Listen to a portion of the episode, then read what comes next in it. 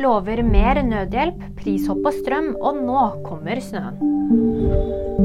FN-nødlageret i Gaza stormet. Folk er redde, frustrerte og desperate, skriver FN i en pressemelding.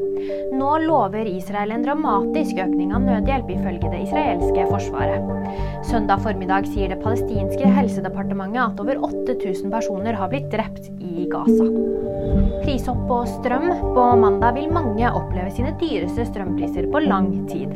Flere steder i landet vil døgnprisen ligge mellom 68 og 79 øre kilowattimen.